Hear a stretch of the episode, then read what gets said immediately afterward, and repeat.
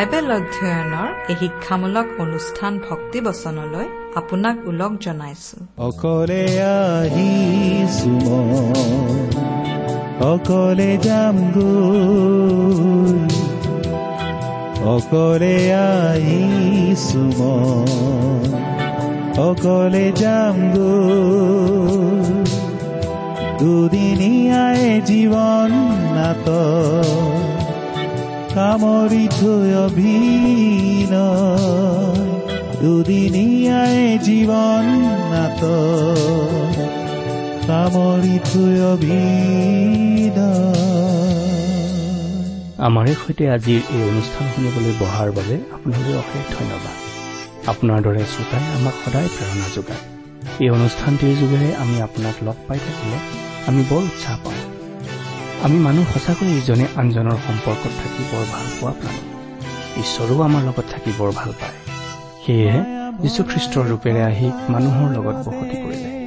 তেওঁৰ আন এটা নাম ইমানুৱেল অৰ্থাৎ আমাৰ লগত ঈশ্বৰ মানুহৰ লগত ঈশ্বৰ। মানুহ যেন সদায় ঈশ্বৰৰ লগত আৰু ঈশ্বৰ যেন সদায় মানুহৰ লগত থাকিব পাৰে তাৰ বাবে যি বলিদানৰ কাৰ্যৰ প্ৰয়োজন আছে তাকেই সিদ্ধ কৰিবলৈ প্ৰভু যীশু এই পৃথিৱীলৈ আহিছিল। ঈশ্বৰে মানুহৰ লগত থাকিব বিচাৰে। ভাবিলেই ভাল লাগে নহয়নে? এই সময়ত ঈশ্বৰ আপোনাৰ মোৰ লগত আছে।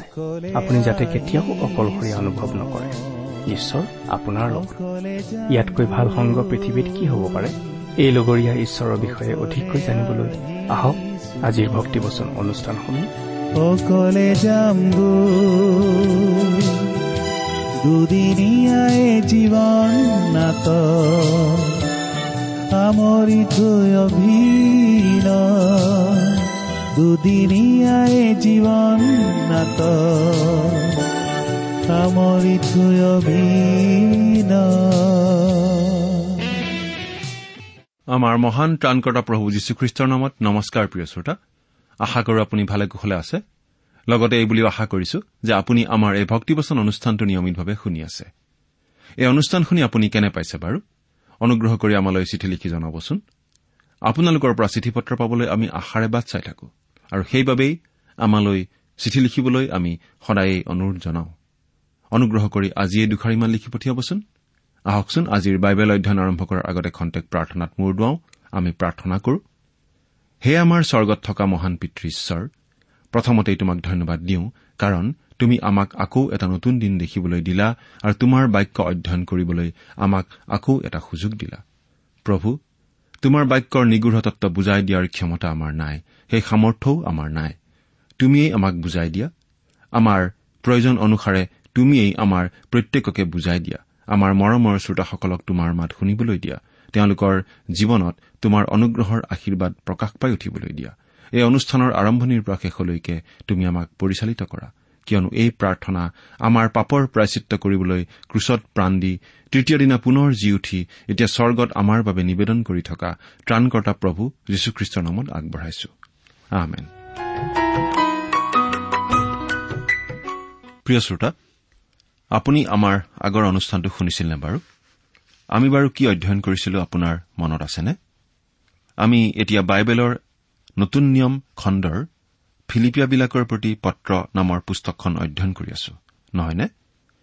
যোৱা অনুষ্ঠানত আমি এই ফিলিপিয়া পত্ৰৰ দুই নম্বৰ অধ্যায়ৰ তিনি নম্বৰ পদৰ পৰা সাত নম্বৰ পদলৈকে পঢ়ি আমাৰ আলোচনা আগবঢ়াইছিলো। আশা কৰো আপুনি আমাৰ অনুষ্ঠানটো শুনিছিল আৰু আপোনাৰ কথাবোৰ অলপ হলেও মনত আছে। পাচনি পৌলে ফিলিপিত থকা খ্ৰীষ্টীয় বিশ্বাসীসকলক সোঁৱৰাই দিছে তেওঁলোকে যাতে অনৰ্থক দৰ্প বা বিৰোধ ভাৱেৰে একো কাম নকৰে। কিন্তু নম্ৰভাৱেৰে ইজনে আনজনক নিজতকৈ উত্তম বুলি মানে। প্ৰত্যেকে যেন নিজৰ বিষয়ে নিচিন্তি আনৰ বিষয়েহে চিন্তা কৰে। খ্ৰীষ্ট যীশুৰ যি ভাৱ সেই ভাৱ যেন তেওঁলোকতো হয়। তাৰ পাছত তেওঁ খ্ৰীষ্ট যীশুৰ বিষয়ে অতি গুৰুত্বপূৰ্ণ কথা কৈছে। আমি সেই বিষয়টো অলপ বহলাই আলোচনা কৰিছিলো। খ্ৰীষ্ট নিজে ঈশ্বৰ। তেওঁ স্বৰ্গ এৰি এই পৃথিৱীলৈ আহিছিল মানুহৰ পৰিত্ৰাণৰ পথ প্ৰস্তুত কৰিবলৈ। তেওঁ স্বৰ্গৰ স্থান খামুচি ধৰি থকা নাছিল কিন্তু নিজকে শূন্য কৰি এই জগতলৈ নামি আহিছিল। তেওঁ নিজকে শূন্য কৰিছিল। আমি উল্লেখ কৰিছিলো যে খ্ৰীষ্টই সাতটা নিম্নমুখী পদক্ষেপ লৈছিল। সেই পদক্ষেপৰ প্ৰথমটো আছিল তেওঁ স্বৰ্গৰ গৌৰৱ মহিমা ত্যাগ কৰি আহিছিল। দ্বিতীয় খোজটো আছিল তেওঁ নিজকে শূন্য কৰি এই পৃথিৱীলৈ আহিছিল। নিজকে শূন্য কৰা মানেনো কি? সেই কথাটো আমি অলপ আলোচনা কৰিছিলো। তেওঁ ঈশ্বৰত্ব ত্যাগ কৰা নাছিল। কেঁচুৱা হৈ জন্ম লওঁতেও তেওঁ সম্পূৰ্ণ ঈশ্বৰ হৈয়ে আছিল। কিন্তু তেওঁ ঈশ্বৰৰ সা সুবিধা আৰু বিশেষ অধিকাৰবোৰহে ত্যাগ কৰি আহিছিল। স্ব ইচ্ছাই কোনেও তেওঁক জোৰ কৰা নাছিল। সেইবাবেই তেওঁ অতি নম্ৰতাৰে গোহালি ঘৰৰ লেতেৰা দানাপাত্ৰত সাধাৰণ মানৱ শিশুৰূপে জন্মধাৰণ কৰিছিল। আজি আমি তাৰ পাছৰ পৰাই আমাৰ আলোচনা আগবঢ়াই নিম। আপুনি আপোনাৰ বাইবেলখন মেলি লৈছেনে বাৰু? আমি বাইবেলৰ পৰা পাঠ কৰি যাম। যদি লগত বাইবেল আছে চাই যাব নহলে মন দি শুনিবচোন। প্ৰথমতেই আমি ফিলিপিয়া পুস্তকৰ দুই নম্বৰ অধ্যায়ৰ সাত নম্বৰ পদটো পাঠ কৰি দিব খুজিছো। কিন্তু নিজকে শূন্য কৰি দাসৰ ৰূপ ধাৰণ কৰি মানুহৰ নিচিনা হ'ল। প্ৰিয় শ্ৰোতা প্ৰভু যীশুৱে নিজকে শূন্য কৰি ঈশ্বৰ হিচাপে থকা সা সুবিধাবোৰ ত্যাগ কৰি এই পৃথিৱীলৈ আহিছিল। এই কথাটো আমি আকৌ এবাৰ চাব খুজিছো। তেওঁ অতি সাধাৰণ মানুহৰ নিচিনাকৈ এই পৃথিৱীত চলাফুৰা কৰিছিল। তেওঁৰ মূৰৰ চাৰিওফালে উজ্জ্বল স্বৰ্গীয় জ্যোতি লৈ ঘূৰি ফুৰা নাছিল। তাকে কৰা হলে হয়তো তেওঁক সকলোৱে ঈশ্বৰ বুলি চিনি পালেহেঁতেন। তেওঁ শতকৰা এশভাগ ঈশ্বৰ আছিল কিন্তু একে সময়তে শতকৰা এশভাগ মানুহ হিচাপে তেওঁ আহিছিল। তেওঁ আছিল মানুহ। কিন্তু সম্পূৰ্ণ ঈশ্বৰ। মাংসৰূপত অহা ঈশ্বৰ। কিন্তু তেওঁ ঈশ্বৰৰ সা সুবিধা ত্যাগ কৰি আহিছিল। এই কথাটো আমি ইমান নিশ্চিতভাৱে কেনেকৈ ক'ব পাৰিলো বাৰু? বাইবেলৰ এটা বিশেষ ঘটনালৈ আমি চাব পাৰো। প্ৰভু যীশুৱে এই পৃথিৱীত নিজৰ কৰিবলগীয়া কামখিনি শেষ কৰাৰ পাছত এই পৃথিৱীত তেওঁ কটোৱা শেষৰটো নিশাত তেওঁ শিষ্যসকলক গোটাই লৈ তেওঁৰ স্বৰ্গস্থ পিতৃৰ আগত এটা মনোমোহা প্ৰাৰ্থনা কৰিছিল। সেই প্ৰাৰ্থনাত তেওঁ এটা কথা কৈছিল এনেদৰে হে পিতৃ জগত হোৱাৰ আগেয়ে তোমাৰে সৈতে থাকোতে মোৰ যি মহিমা আছিল সেই মহিমাৰে এতিয়া তোমাৰেই সৈতে মোক মহিমান্বিত কৰা জোহন সোতৰ অধ্যায় পাঁচ নম্বৰ পদ। কথাখিনি ভালদৰে মন কৰিবচোন। তেওঁ প্ৰাৰ্থনা কৰিছিল সেই মহিমা পুনৰ ঘূৰাই পাবলৈহে। তেওঁৰ ঈশ্বৰত্ব পুনৰ ঘূৰাই পাবলৈ তেওঁ প্ৰাৰ্থনা কৰা নাছিল। কাৰণ তেওঁ তেওঁৰ ঈশ্বৰত্ব ত্যাগ কৰা নাছিল। তেওঁ এতিয়া স্বৰ্গলৈ উভতি যাব ওলাইছে। গতিকে তেওঁ প্ৰাৰ্থনা কৰিছে সেই মহিমা যি মহিমা ঈশ্বৰৰ বিশেষ এটা অধিকাৰ সেই মহিমা পুনৰ তেওঁক যাতে দিয়া হয়। নিশ্চয় সেই মহিমা তেওঁ এৰি থৈ আহিছিল। তেওঁ ঈশ্বৰৰূপী থাকোতে ঈশ্বৰৰ সমান হোৱাকেই কাঢ়ি লোৱা বুলি নামানিলে। তেওঁ লোৱা তৃতীয়টো পদক্ষেপ আছিল দাসৰ ৰূপ ধাৰণ। দাসৰ ৰূপ ধাৰণ। প্ৰভু যীশু এই পৃথিৱীলৈ দাস ৰূপ ধাৰণ কৰি আহিছিল। তেওঁ এজন কাঠমিস্ত্ৰী হিচাপে কাম কৰিছিল। যদি আপুনি সেই সময়ত নাচৰত নগৰত বাস কৰিলেহেঁতেন তেতিয়া নিশ্চয় আপুনি তেওঁৰ দোকানলৈ গৈ কেতিয়াবা ক'ব লগা হলহেঁতেন যে আপোনাৰ ঘৰত কিবা মেৰামতিৰ কাম কৰিব লগা আছে। হয়তো তেওঁক আপুনি ক'লেহেঁতেন মোৰ ঘৰৰ দুৱাৰ এখন সুলকি পৰিছে। আপুনি বাৰু ঠিক কৰি দিব পাৰিবনে? হয়তো তেওঁ ক'লেহেঁতেন মই গৈ আছো। দেখিলেনে? তেওঁ এজন দাসৰ ৰূপ ধাৰণ কৰিছিল। তেওঁ হয়তো চিজাৰৰ ঘৰতো জন্মিব পাৰিলেহেঁতেন। তেওঁ আছিল ৰজাৰো ৰজা। কিন্তু তেওঁ এই পৃথিৱীত থাকোতে কেতিয়াও তেনেকুৱা দাবী কৰা নাছিল। যেতিয়ালৈকে তেওঁ গাধৰ পিঠিত বহি জয়যাত্ৰা কৰি জিৰচালেমত শেষবাৰৰ কাৰণে প্ৰৱেশ কৰা নাছিল। তেওঁ এই জগতলৈ আহিছিল এজন কাম কৰা মানুহ হিচাপে এজন নম্ৰ মানুহ হিচাপে এজন সৰু মানুহ হিচাপে। তেওঁ নিজকে নম্ৰ কৰি মানুহ হ'ল কিন্তু তেওঁ সংখ্যাগৰিষ্ঠ লোকৰ মাজৰ এজন হ'ল অৰ্থাৎ আমাৰ নিচিনা সাধাৰণ মানুহ হ'ল। তেওঁ অতি সৰু মানুহ হ'ল। যিচয়া ভাওবাদীয়ে এই বুলি কৈছিল যে যীশুখ্ৰীষ্ট আহিব। যিচয়ৰ মূঢ়াৰ এটা গজালি হিচাপে। এই কথা যিচয়া পুস্তকৰ এঘাৰ নম্বৰ অধ্যায়ৰ দহ নম্বৰ পদত আমি পাওঁ। এই কথাটো বাৰু কেতিয়াবা চিন্তা কৰি চাইছেনে? তেওঁক ডায়ুদৰ গজালি বুলি কিয় কোৱা হোৱা নাই বাৰু? আমি এটা কাৰণ বিচাৰি পাইছো। যীশুৰ জন্ম হৈছিল মৰিয়ম আৰু জোচেফৰ ঘৰত। দুয়ো দুটা বেলেগ বেলেগ ধৰণে ডায়ুদৰ বংশৰ। দুয়ো আছিল সাধাৰণ খেতিয়কৰ পৰিয়ালৰ। তেওঁলোক আছিল অতি সৰু ঠাইৰ অতি সৰু মানুহ কাম কৰি খোৱা মানুহ। তেন্তে যীশু জানো ডায়ুদৰ বংশৰ নহয়? নিশ্চয় হয়। ডায়ুদ আছিল এজন অভিষিক্ত ৰজা। কিন্তু ডায়ুদৰ পিতৃ যীচয় আছিল এজন সাধাৰণ খেতিয়ক। বৈতলেহেম নামৰ ঠাইৰ সাধাৰণ কৃষক। আৰু তেওঁৰ বংশ গৈ গৈ আকৌ খেতিয়কৰ বংশই হৈছিলগৈ। আমাৰ প্ৰভু যীশুখ্ৰীষ্ট খেতিয়কৰ পৰিয়ালতেই জন্ম হৈছিল। তেওঁ দাসৰ ৰূপ ধাৰণ কৰিছিল। প্ৰভু যীশুৱে নিম্নমুখে লোৱা চতুৰ্থটো খোজ আছিল তেওঁ মানুহৰ নিচিনা হ'ল। ওপৰে ওপৰে পঢ়িলে এই কথাটোৱে আমাৰ মনত বেছি প্ৰভাৱ নেপেলায়। কাৰণ আমি মানুহ আৰু মানুহৰ নিচিনা হৈ আমি ভাল পাওঁ। মানুহ হোৱাটো নম্ৰ হোৱাৰ চিন যেন আমাৰ নালাগে। বৰং মানুহ হোৱাটো সন্মানৰ কথা যেনহে আমাৰ লাগে। তেন্তে মানুহ হোৱাটোনো কি নম্ৰতাৰ কথা? আমি হয়তো এনেদৰে ভাবিব পাৰোঁ। আমি আপোনালোকৰ আগত এটা উদাহৰণ দিব খুজিছো। হয়তো উদাহৰণটো আপোনালোকৰ বাবে টুলুঙা যেন হ'ব পাৰে। কিন্তু প্ৰভু যীশু মানুহ হওঁতে যে যথেষ্ট নম্ৰতাৰ চিনাকি দিব লগা হৈছিল সেই কথাটো বুজি পোৱাত এই উদাহৰণটোৱে আমাক সহায় কৰিব বুলি আমি ভাবো। আমি যিটো ঘৰত থাকো সেই ঘৰটো পুৰণিদিনীয়া কাঠৰ খুটা কাঠৰ দুৱাৰ খিৰিকী আৰু ঘৰটোত বহুতো সৰু সৰু গাঁত আৰু ফাঁক আছে।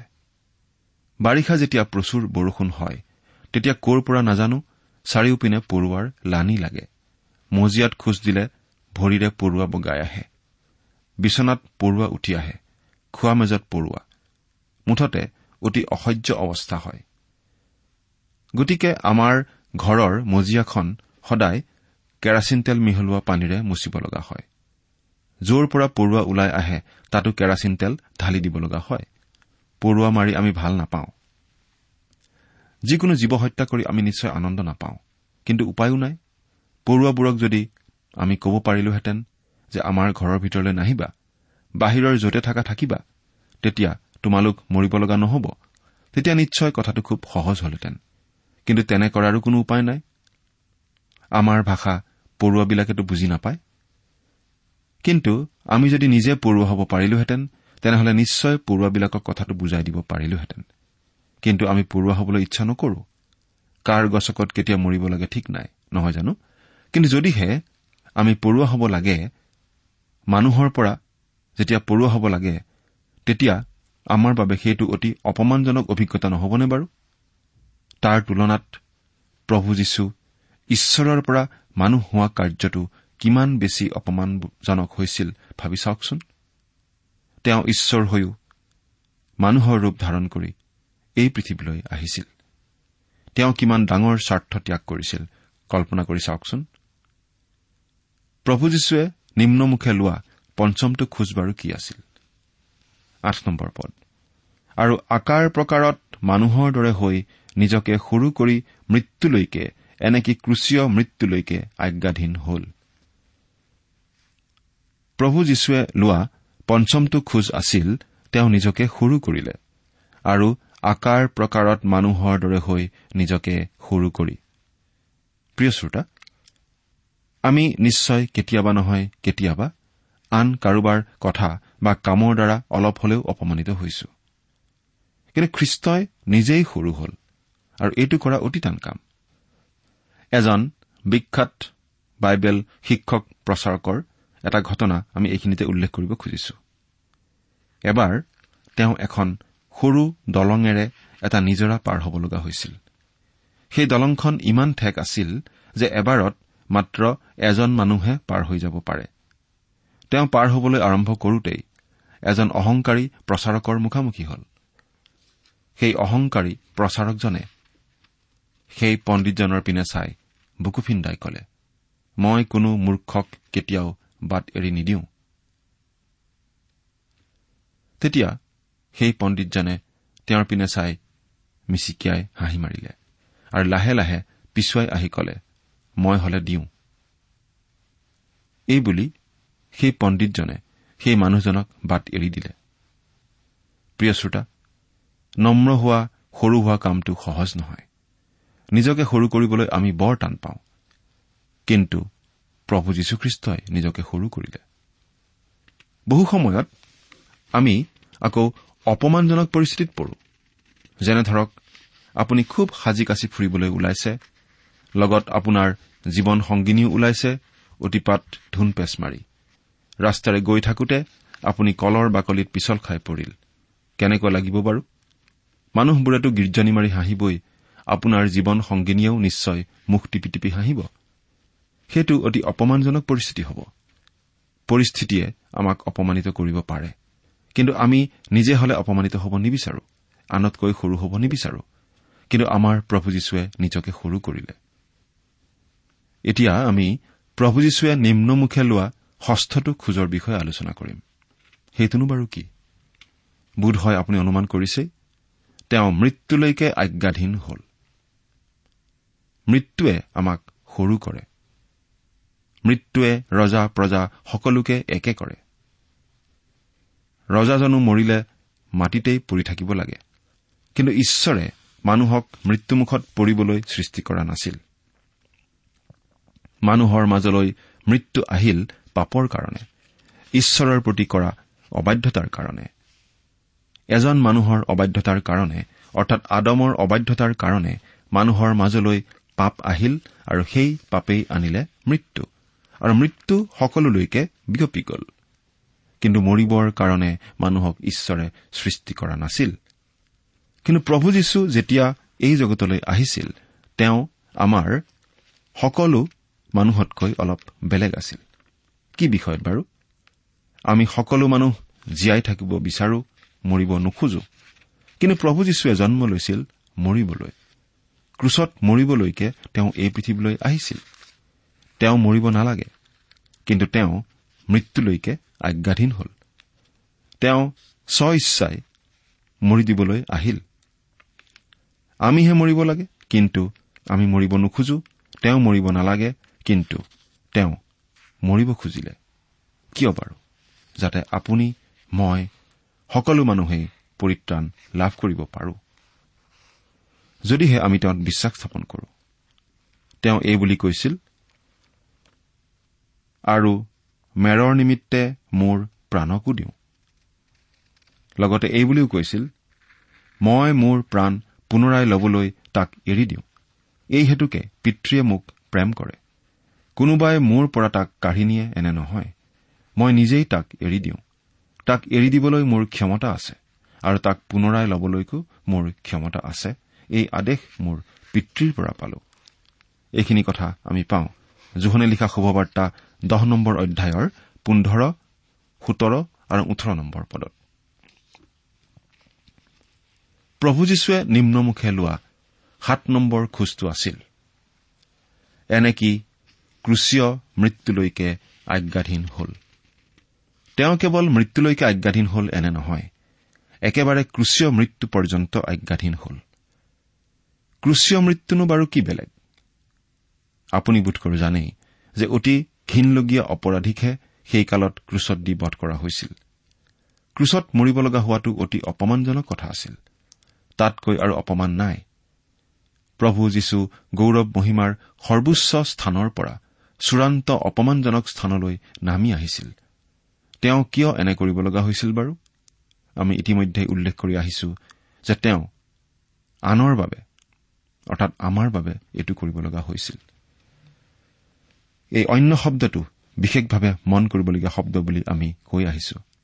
আৰু আমি ফিলিপিয়া দুই অধ্যায় চাৰি নম্বৰ পদত পঢ়িছিলো প্ৰতিজনে নিজৰ বিষয়ে নহয় অন্যৰ বিষয়ে চাওক।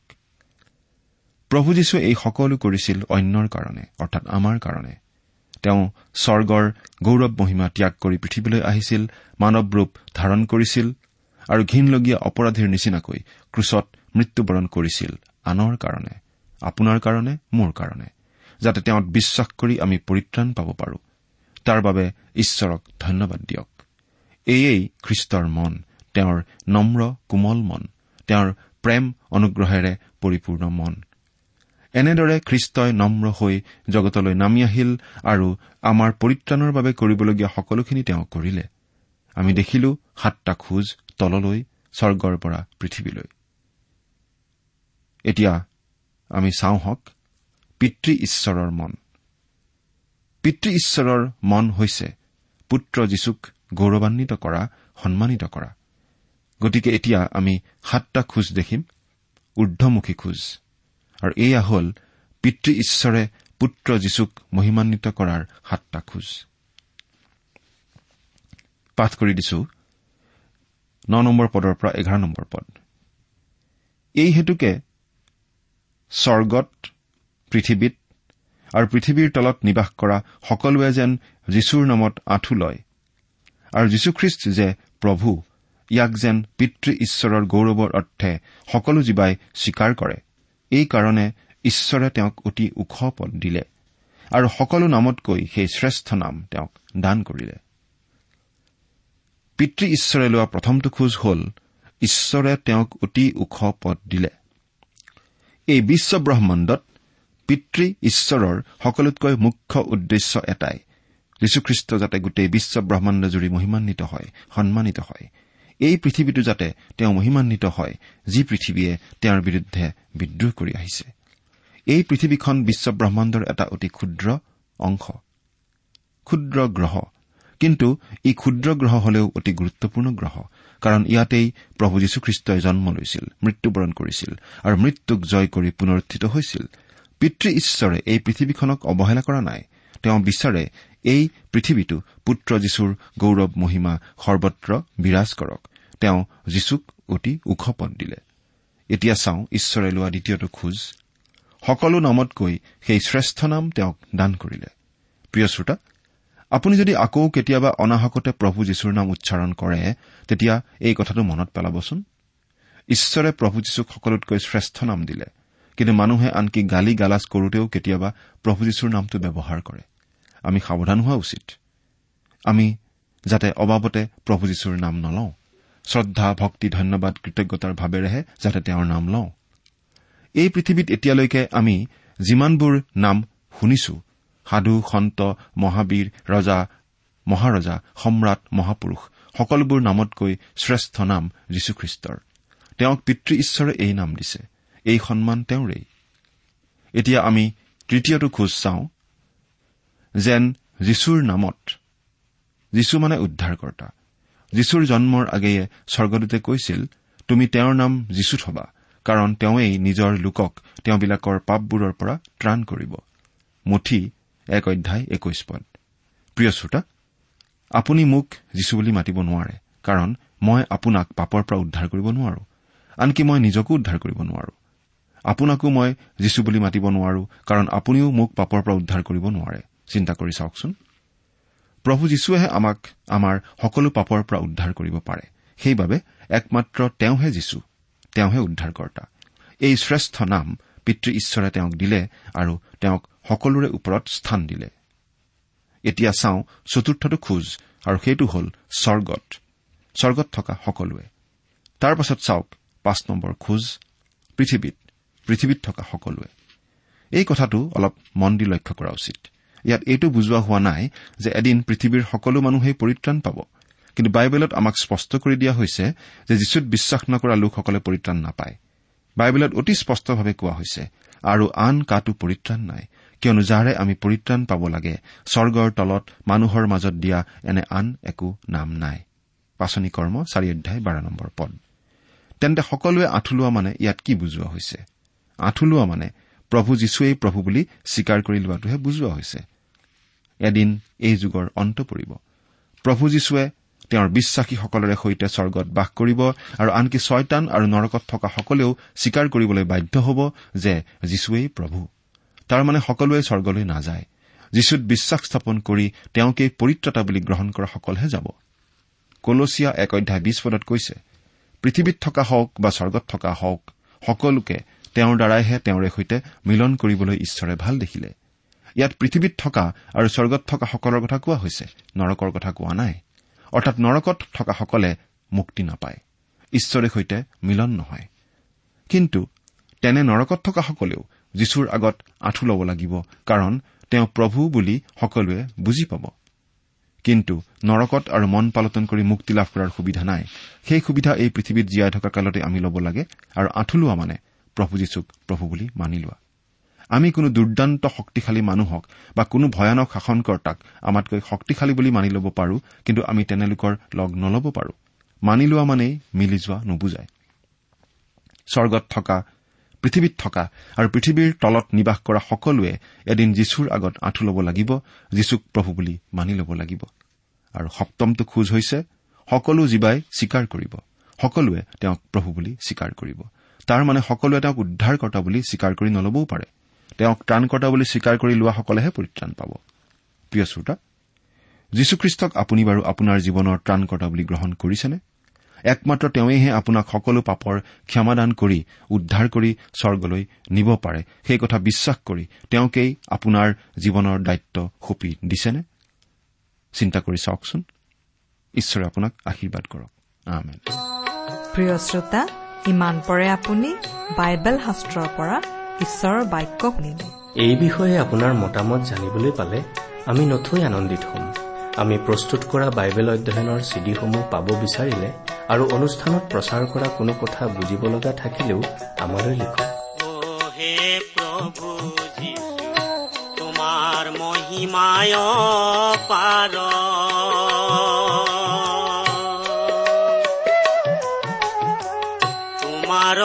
চৰণে নভজিলো শৰণ মই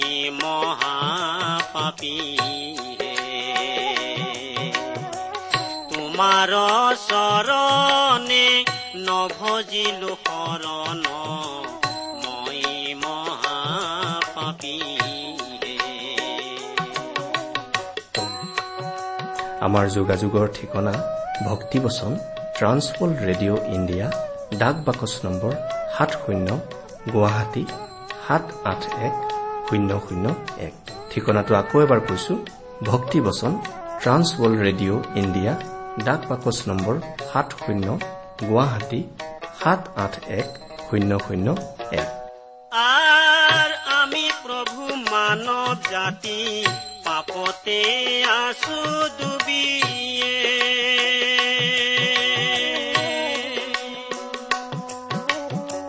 দিয়া প্ৰভু জ্ঞান বুদ্ধি আমাক হে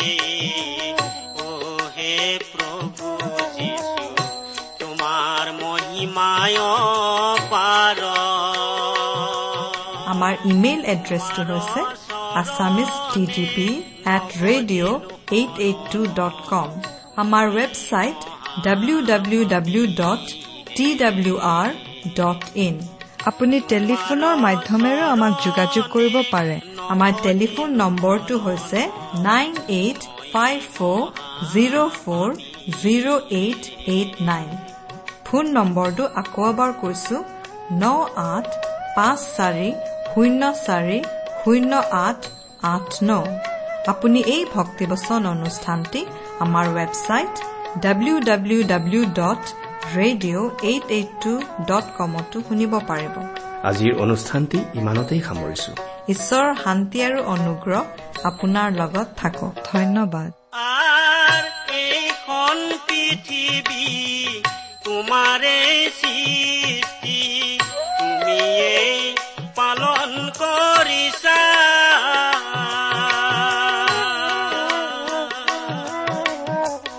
আমি প্ৰভু মহাপাপী পাপৰ সংসাৰত আছো ডুবি কৰা প্ৰভু আমাক আমি প্ৰভু মহাপাপী পাপৰ সংসাৰত আছো ডুবি কৰা প্ৰভু আমাক উদ্ধাৰ। অ হে প্ৰভু যীশু তোমাৰ মহিমায় পাৰ তোমাৰ চৰণে নভজিলো শৰণ। মই মহাপাপী। তোমাৰ চৰণে নভজিলো শৰণ।